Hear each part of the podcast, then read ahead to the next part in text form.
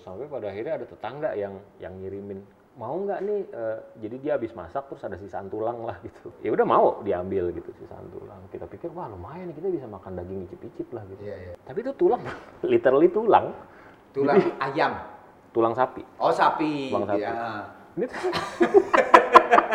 Ayo kita isep-isep aja untuk dapat flavornya.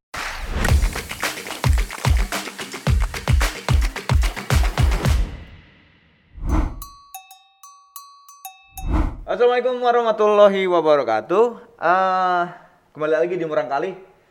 Kali ini bintang tamunya adalah eh, beda nih, agak beda, agak beda. Biasanya kan penyanyi atau host atau apalagi ya kemarin tuh penyanyi, host, produser ya, produser. Nah sekarang eh, eh, pembawa berita atau news anchor atau newscaster. Eh, pokoknya kalau yang eh, sering lihat berita, tapi nggak berita aja sih, eh, mukanya dia udah udah udah eh, ke mana-mana, udah ada di mana-mana, udah jadi jadikan profil dan sebagainya dan sebagainya. Nah, cuman eh, permasalahannya dengan saya, murang kali itu acara yang santai. Nah, apakah saya bisa mewawancara dia nanti santai atau ternyata serius kayak baca berita? Kita panggilkan bintang tamu kita. Vito Dea Nova. Hei. Dea Nova. Apa kabar? Apa kabar? Ada Mak? Alhamdulillah. Ah, langsung aja gini Sehat, pertanyaannya, murang kali. Tahu nggak artinya apa? Atau mereka-reka? Ini bahasa Sunda. Gua tuh SMA di Bogor loh. Eh, sorry.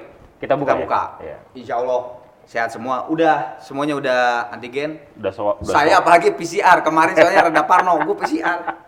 Oh di Bogor? Bogor Oh gua. berarti tahu dong. Eh, enggak sih. Hei, gitu. Bahasa daerah gue jelek banget. Jadi Oke. gua nggak ngerti. Tapi gini, murang kali lihat ini, terus ininya pakai ini kita duduk di kursi kecil kayak TK. Nah, kira-kira artinya apa? Taman kanak-kanak ya? Taman, bermain. kanak-kanak. Taman bermain. Bukan. Apa Tapi memang mendekat, bukan mendekati di area situ. Murang kali itu bahasa halus. Kalau di bahasa Sunda bahasa halus. Bahasa kasarnya apa? Bahasa karnya itu budak.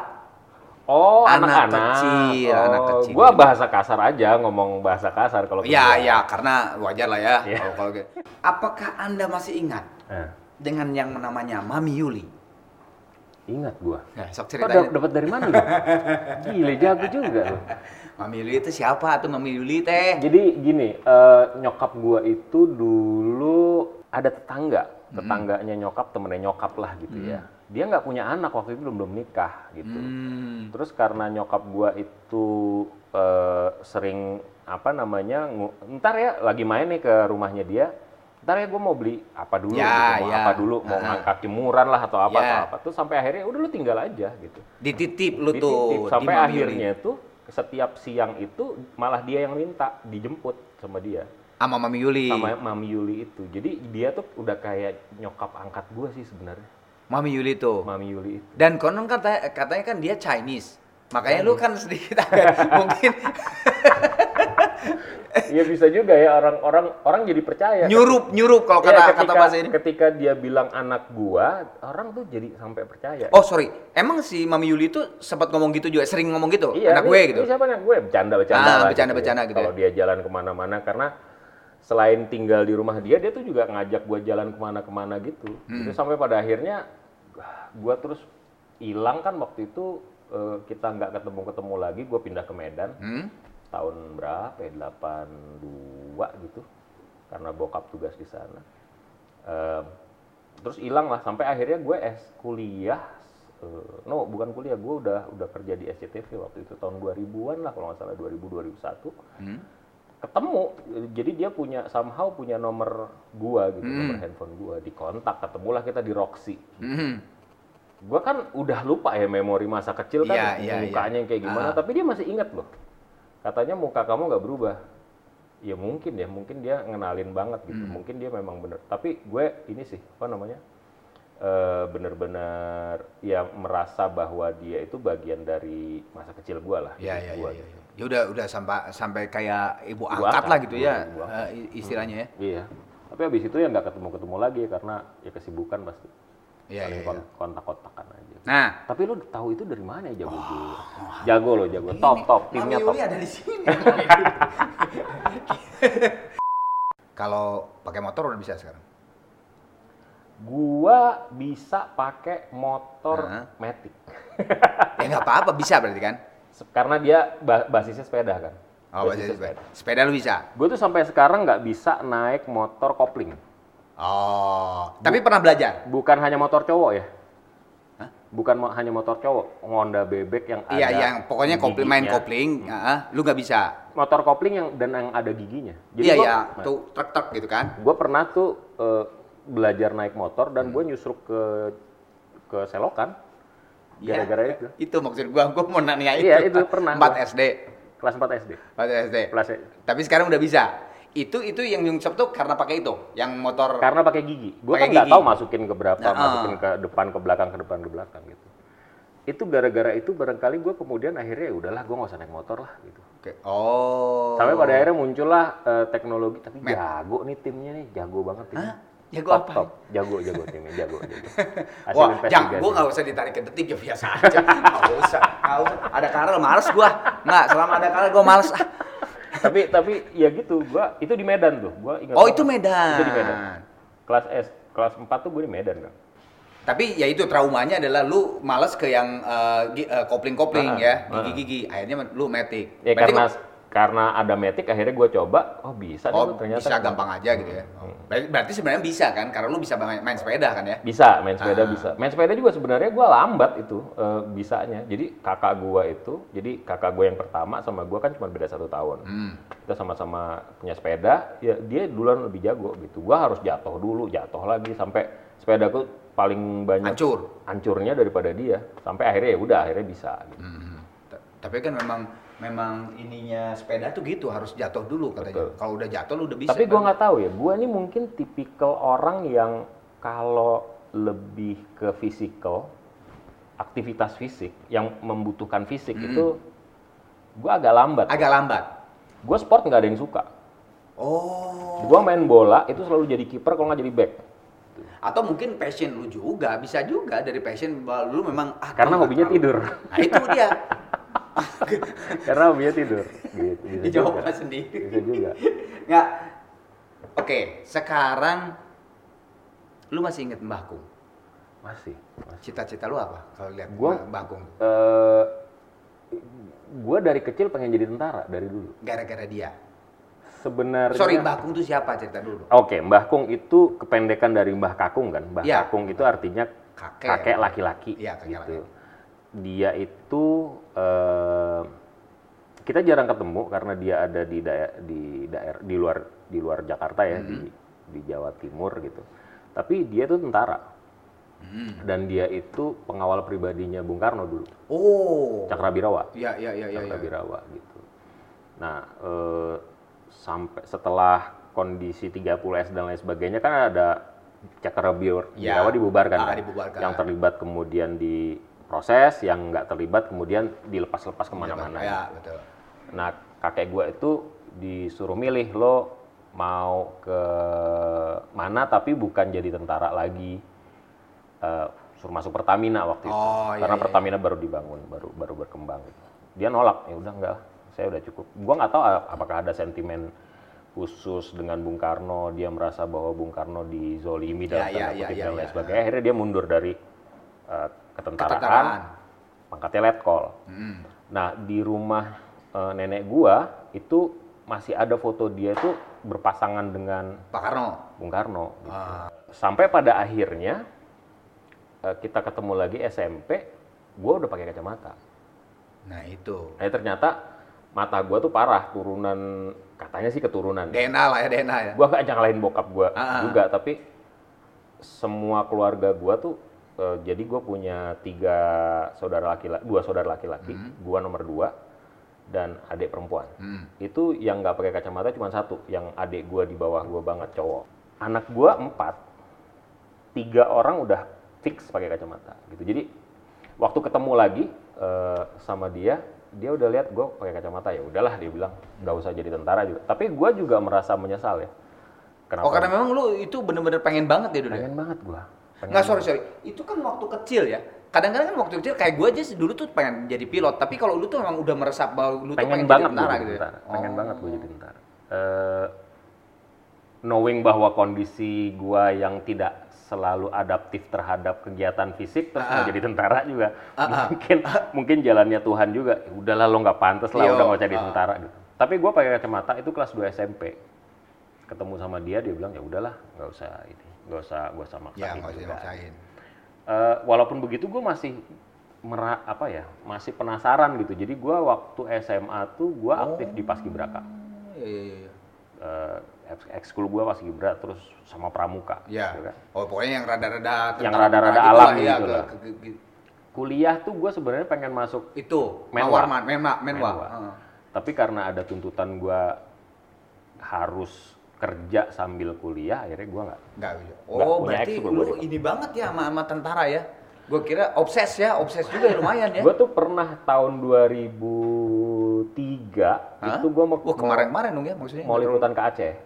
Oke. Kan liputan mau perang, liputan perang nih. Iya. Nah wartawan itu kan harus ada latihan kedaruratan. Hmm, hmm. Dilatihlah kita sama tentara. Gue gue menikmati banget tuh. Oh. kita dipakein seragam tentara. Iya, iya, iya. Ya mungkin agak ini ya, ada agak agak obses juga Iya, ya. obses. ha. Mungkin. Oke. Oke lah. Oke, sekarang kalau gitu buka ini deh. Oh. Apa tuh? Buka dari sana. Oh, bu- buka ini, bener. Iya, buka. Oh ini. Nah, Bismillahirrahmanirrahim. coba bawa.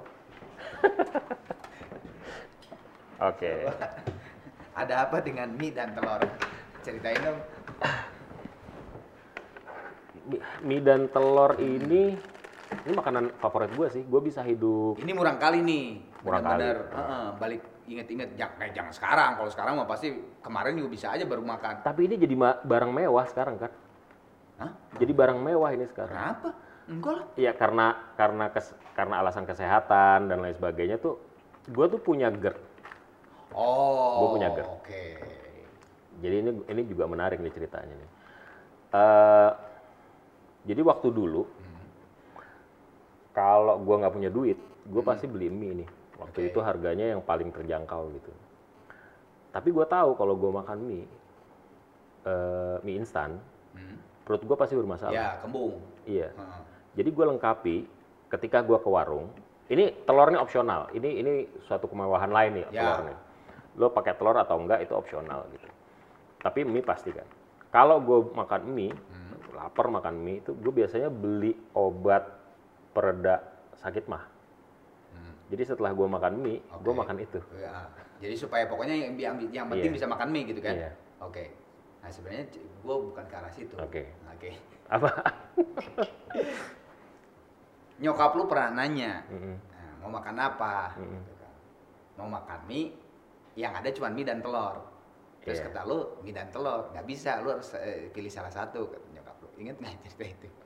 Zaman masa iya, iya, iya, iya. Nggak Iya. bisa pilih dua-duanya. Nggak bisa pilih dua-duanya. Ah, ah. Makanya gue bilang ini kemewahan yang lain. Kalau mau Ah. makan telur, makan telur. Kalau dapat mie dan telur itu sebuah kemewahan gitu. Dan dan itu sering banget tuh kejadian kayak gitu. Kata Macam-macam ceritanya. Ingat kan nyokap lu kalau kalau memang lu milih mie gitu ya. Kalau mau lebih kenyang lagi, mie-nya campur nasi aja. Iya, dan itu pasti kita lakukan. Mie nasi ya. Itu pasti kita lakukan. Nah, eh, macam-macam sih eh, opsinya tuh dulu macam-macam. Eh, bisa telur asin. Telur asin itu satu butir Oh, itu mewah tuh. untuk satu hari. Jadi Iya, lo iya, belah bener. siang separo, malam separo. Iya, iya, benar. Atau lo makan dengan gaya yang lain. Gue tuh biasanya ngakalinnya kalau gue mau makan enak malam satu butir telur asin penuh, Nah. itu biasanya gue bikin nasi goreng. Oh. Bikin nasi goreng yang ada rasanya kan, Ah. nggak perlu pakai lauk lah, ada Iya. rasanya. Ah. Gue bikin sendiri. Gitu. Nah, Malamnya gue baru makan telur asin. jadi bisa sa- penuh satu tuh. Bisa penuh. Oh, oke. Kalau gitu gini nih, gue framein satu lagi makanan. Apa? Kalau ini apa? Nasi goreng putih. Sejarahnya. Eh, nasi goreng putih ini Kan lu bosen tuh, mie sama telur tuh bosen mulu. Iya. Akhirnya terciptalah nasi goreng putih dari nyokap lu. Iya karena kan nasi goreng itu kan banyak banyak ingredient ya, banyak tambahannya lo harus Ah. tambahin kecap. Dan kecap itu belum tentu ada loh di rumah gua. Oke. Belum tentu ada di rumah gua. Jadi yang yang pasti-pasti aja nasi itu seringnya ada. Gue inget seringnya Nah, ada. Ya nasi udah udah udah wajib lah ya ada. Udah gitu ya. wajib. Hmm. Itu kalau lu rata-ratain sering banget tuh. Maksudnya tuh keadaan lu tuh dulu tuh sering banget gitu kayak gini. eh sering gini deh ceritanya. Eh gua nggak tahu besok bisa makan apa enggak loh. Oh, oke. Sampai se, se- seperti itu ya. Tapi nyokap gua top banget loh jadi jadi ibu rumah tangga yang struggle banget buat anak-anaknya gitu. Jadi dia eh, berusaha untuk tetap adain gitu apa pun apa pun gitu. Eh, sampai pada akhirnya ya kita udah terbiasa untuk nggak punya opsi ya. Jadi apa yang ada dimakan aja. Ya survive kayak akhirnya, akhirnya pokoknya ya apa ada sikat aja gitu. eh gue pernah tuh inget tuh mal nah itu waktu itu bener-bener kita bingung kita makan apa malam ini ya Eh sampai pada akhirnya ada tetangga yang yang ngirimin mau nggak nih Eh, jadi dia habis masak terus ada sisaan tulang lah gitu ya udah mau diambil gitu sisaan tulang kita pikir wah lumayan kita bisa makan daging icip-icip lah gitu Iya, iya. Tapi itu tulang literally tulang Tulang ayam. tulang sapi Oh, sapi. Tulang sapi. Ya. Jadi itu tulang literally tulang yang kita bingung. Ini tuh- Ayo kita isep-isep aja untuk dapat flavornya. Ini buka deh. Ada lagi nih. Apa lagi nih? Ini gue geser dulu Ya, ya. di, eh, ah boleh lah di di awesin dulu aja deh. Boleh deh. Ya. Thank you, thank you. Coba buka. Teman gua soalnya ini. Igun, Igun, Igun. Oh, dia panggilannya Igun. Eh, Iya dulu dulu kita manggilnya ada Igun, ada Jack, Oh, dilihatin sana. Nugi. Agus- Nugraha. Agustinus Nugi Nugraha. Apa kabar Jack? Sampai sampai sampai ini loh ta- tahu nama lengkapnya loh. Adiknya Katon Bagaskara. Ada apa dengan dia? Nugi ini temen gua kita ketemu di radio dulu. Jadi Radio mana? Radio Suara Kejayaan, SK. SK yang sudah nggak ada lagi. Ya udah almarhum ya. Sebenarnya radionya masih ada, ada temen gue juga di situ Rafik namanya sekarang jadi bos. Oh, masih ada ya? Masih ada ya? SK tuh masih ada ya? Eh, PT-nya masih ada, Oke, tapi radionya? radionya udah nggak ada. Udah nggak ada, Udah nggak oke, ada. Ini buat yang nggak tahu radio SK, radio SK tuh radio humor. Itu dia. yang lolos lulusannya itu Temon, Abdel, Bagito. Bagito, Patrio, Empat Sekawan, Tukul, Komeng. Koming, eh, eh, eh, Komeng, Tukul, kan? Komeng, Kiwil, Kiwil, heeh. dan lain sebagainya. Wajah-wajah yang anda lihat di TV sekarang-sekarang ini adalah komedian-komedian Komedian. terkenal itu yang nggak lucu cuma dua di SK itu gua. Sebenarnya Nugi lucu sih. Iya, Nugi itu lucu Nugi emang. itu lucu, Heeh, gitu. Cuman kan dia Tapi dia bukan karena penyanyi bukan kan pelawak kan. lah gitu, Heeh. bukan pelawak. Akhirnya ya udah kita Nugi jadi penyanyi, gua jadi News anchor. wartawan. Ya, Gua warta- oh, jadi wartawan dulu ya. Sebenarnya gue juga nggak punya cita-cita jadi wartawan sih pada itu. Nah, Nah, tapi tapi itulah eh, di situ kemudian gue mengenal dunia broadcast, terus gue Sorry, sorry gua potong dulu. Sorry Iya, gua iya, potong. iya. Lu ada ada pikiran nggak waktu di SK bahwa lu tuh salah tempat sebenarnya? Eh, Kan itu kan bener-bener eh, dia apa biang di eh, sarangnya pelawak semua lah komedian semua Indonesia gitu. Iya. Terus eh, eh, merasa alah kok gua kayak salah deh. iya tapi nggak punya pilihan gue. Terus gimana lucu nggak lu? Eh, Oh sorry sorry gini.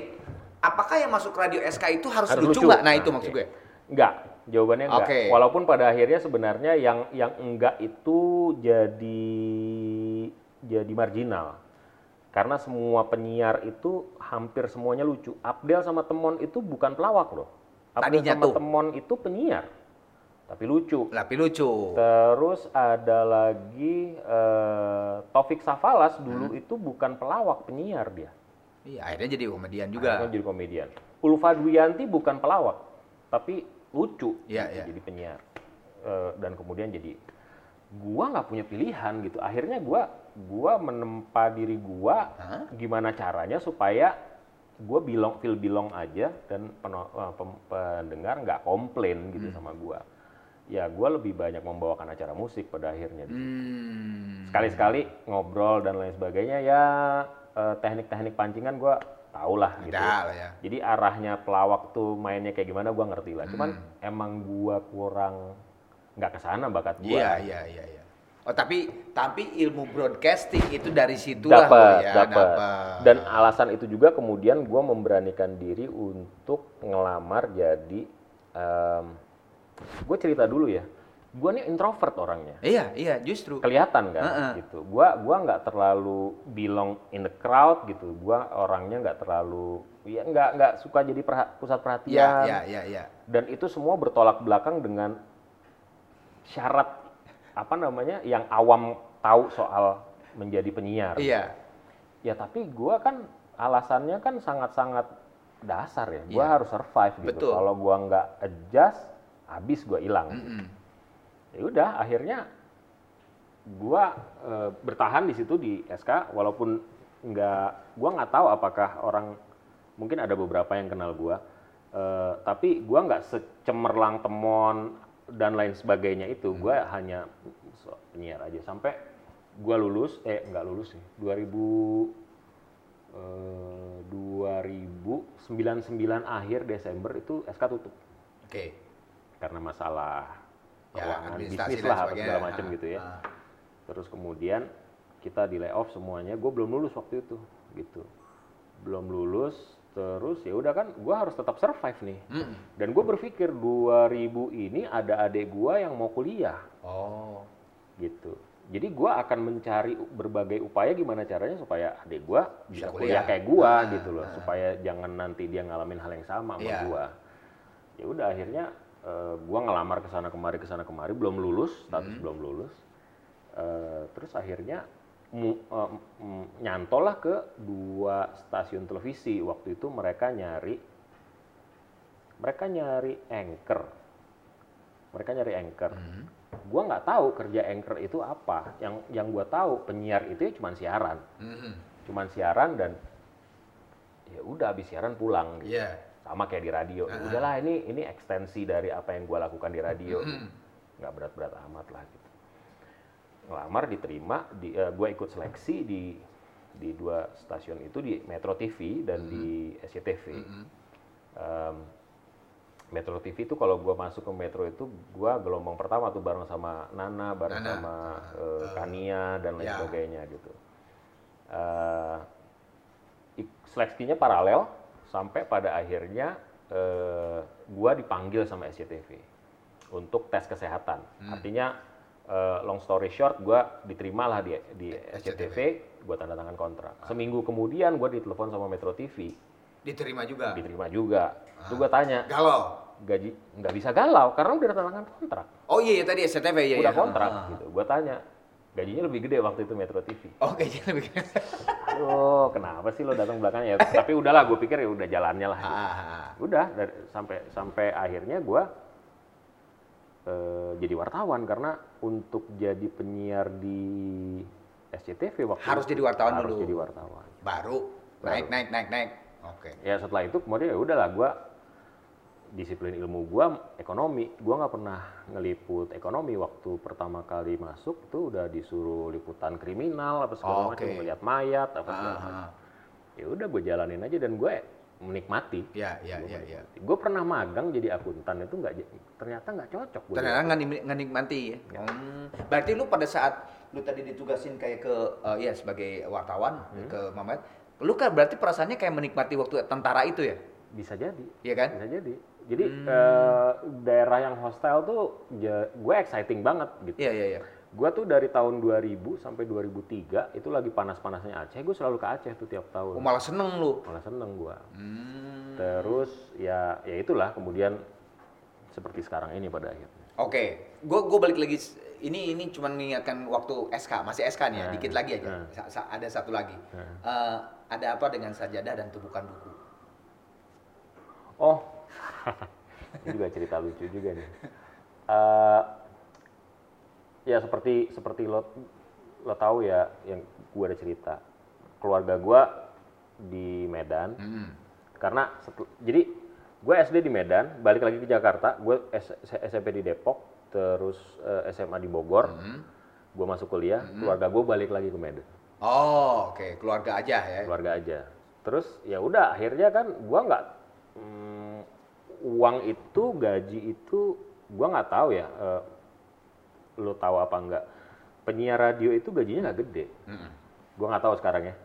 Tapi eh, orang bisa bisa lumayan hidup sebagai penyiar radio itu karena side jobnya. Artinya dia ngisi VO Ya. atau dia jadi MC atau segala MC, macam. ya. Apalagi kalau misalnya jadi lawak, jadi pelawak jadi juga. pelawak. gitu di SK tuh gue nggak bisa ngelawak Ya. Tawaran MC jarang-jarang. Jarang-jarang. biasanya kalau MC tuh yang disasar untuk pensi-pensi tuh kalau nggak Prambors hard rock lah Ya. SK tuh nggak terlalu di eh, ingat orang barangkali. Terus juga ya gue nggak punya eh, keahlian apa pun. Hmm.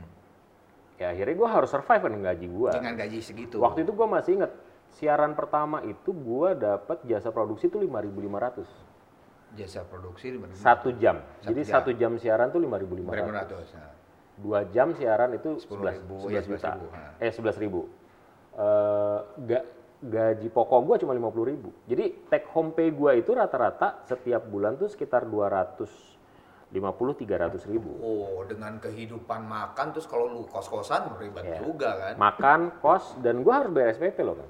Oh iya, ya kan? benar. Nah, Cicil iya. SPP. Nggak, gue nabung SPP. Jadi gue bener-bener ngirit banget. Baju nggak pernah gue beli, eh, yang ada aja gitu. Kalau beli juga paling kalau dapat THR gue beli kaos satu apa segala macam. Nah, kos nih kan, kalau kos kan eh, cuman ruangan aja. Mm. Jadi gua dulu kos sama temen gua namanya Hestu, eh, anak SK juga. Nah, Eh, kita berbagi eh, apa namanya roommate lah gitu ya eh, untuk bayar bulanannya. gitu. Tapi kan lo harus ngisi furniture kan, Iya. lo harus beli kasur, Iya, harus ah. beli ini beli itu. Gua mikir daripada kayak gitu, mendingan gue pakai buat yang lebih bermanfaat dan Ah. dan kebutuhan gue banyak waktu itu. Ya akhirnya dengan modal yang ada, gue bawa karpet tuh dari rumah gitu ya waktu gue ini. Karpet itu kalau di dijembrengin gitu ya, ditaruh di lantai gitu, lo tidurin di di ukuran badan gua nih yang 168 doang gitu. Itu cuman sampai cuman sampai Eh, betis, betis. cuman sampai betis Ah. gitu. Oh, bukan sajadah nih. Belum, Oh, belum, belum. Masih karpet. Cuma sampai betis kan. Ini kita baru baru bicara soal alas. Yoi. kan. Gua nggak punya kasur. Kalau kasur ya mahal waktu itu. Iya, iya, iya, iya, iya. Mulai dari kasur busa yang tipis banget, Iya. Hmm. nggak worth it menurut gua. Mendingan dipakai buat yang lain gitu. Mendingan gua kirim ke Medan lah Iya, buat nyokap iya, gua, iya. buat Ah. keluarga gua gitu daripada gua bermewah-mewahan dalam tanda kutip. Udah gua tidur pakai itu. Karena gua ini alergi dengan Oh. dengan wall dan Iya. karpet itu wall, Wall. gitu. Gua harus pakai alas sih, eh, pakai alas, eh, Alas. kayak kayak bed cover gitulah Hmm. yang gue bawa juga. Sebenarnya itu selimut tapi akhirnya gue jadi bed- jadiin bed cover. Tetap aja cuma nyampe betis. Oke. Oke, cuma sampai betis. Jadi untuk nutupin sisanya Ah, ah. itu pakai sajadah. Oh, kolaborasi. jadi. Kolaborasi. Supaya tetap ketutup semua. Ah, ah. gitu. Udah selesai kan? Selesai. Cuman kalau tidur kan kalau kepala lo gini kan Iya. nggak bisa tidur kan? Iya. Akhirnya yang gua lakukan adalah ya bantal juga mahal gua. Eh, Hmm. buat gua waktu itu mahal. Akhirnya gua ambil tiga buku gua. Mhm. Dan kalau bicara buku itu pasti fotokopi ya. Oke. Dan fotokopi itu pasti eh, selalu gua nge- eh, apa namanya ngopinya hanya lima bab lima bab. Karena Iya. gua nggak bisa tuh ngopi Iya. satu buku langsung mahal. Mahal. Jadi lima bab lima, pokoknya satu semester deh untuk satu semester gitu. Oke. gua tumpuk tiga, terus gua lipet pakai sarung. Hah? Itu buat buat alas kepala gua. Pantesan lu cepat lurus, eh lu lulus. Soalnya ini ilmu lu langsung masuk. Gue lambat Satu lulus. semester. Nggak, gue lulus lambat kan. Jadi, Lam, sorry, lambat karena lu emang lambat otaknya atau memang karena tadi eh, apa ba- masalah bayarnya agak susah jadi lu rada ke- akhirnya gua nggak akhirnya pembelaan gua adalah karena kalau gua nggak hidup seperti ini Ah. atau gua hidup normal dibiayai orang tua, Ah, tinggal di ah. rumah yang nyaman, ada dan lain sebagainya, mungkin gua hidup bisa lulus lebih cepat. Gitu. Ya, itu kan bisa aja jadi pembelaan gua. Iya, iya, Tapi iya, iya. gua 95, gua lulus itu tahun 2000. Artinya gua ngabisin lima setengah tahun untuk S1. Hmm. Di zaman gua itu temen gua yang tiga setengah tahun aja ada yang lulus tiga setengah tahun. Iya, iya, iya. Karena kita kuliah waktu itu tugas akhirnya nggak harus bikin skripsi loh, cuman diganti sama sama mata kuliah. Hmm. Eh, gua lima setengah tahun itu dipotong juga karena eh, gua cuti satu semester. Jadi lima, lima tahun lah gua kuliah. Itu sih. Oke. Oke. sok lah, sok liatin dulu aja. Nah. Oke. Is, jago jago banget. Ini jago nih, jago. Foto sih. apa coba liatin itu foto apa sih? Jago sih. Ini jago, ini Zaman apa itu? ini ini zaman gue SMP nih. Hah? Eh, zaman gue SMA, SMA di Bogor. Tuh, uh, The Power of Putih Abu tuh. Ya, zaman zaman gue SMA Hmm. di Bogor. Gua itu nggak pernah duduk di belakang. Ha, Di depan, selalu di depan. Di seko- sekolah gua nggak pernah duduk di belakang karena Oh, ya berarti lu uh, anak pinter atau anak rajin. Kalau yang belakang kayak gua. sampai gua SMA, Oh, di SMA baru ke belakang. sampai gua masuk ke fisika itu. Jadi fisika Ah. tuh bener-bener nggak buat gua pede. bukan pede ya, Eh, membuat gua nyaman. ter apa ya ter nggak membuat gue excited Iya, sekolah iya, iya, iya, iya, akhirnya gue duduk di belakang teman gue sih jago ya Eh, ada nih eh, sebangku gue namanya Taufik Taufik itu punya blog eh, Hmm. motor sekarang namanya TMC blog Eh, dia jago pinter Hmm. lulusnya aja dia ngambil fisika UI gitu jadi oh, dia benar-benar tuh ya. ya tapi gue emang bener-bener nggak nggak nikmatin, Ya, gitu. Eh, ya itu ini gue masih kurus banget nih gue masih kurus banget culun banget gue Mana? Mana? sekarang juga masih culun Belum, belum, belum. ini gue nih Yang mana? ini gue yang ini ini yang, yang, yang berdua ini yang mana? ini ini Taufik nih yang gue ini yang kanan lu. ini gue yang kanan Mirip ya? Gua Oh, kurus ya. ini gue kurus ini gue nih kurus, kurus maksud gue, kurus, Kurus, banget loh. kurus. Nggak mirip loh bener. ini ini waktu buka puasa nih waktu ah, buka operasi plastik kali Anda Korea ya, jangan-jangan. Hah? Eh, Coba lihat lagi.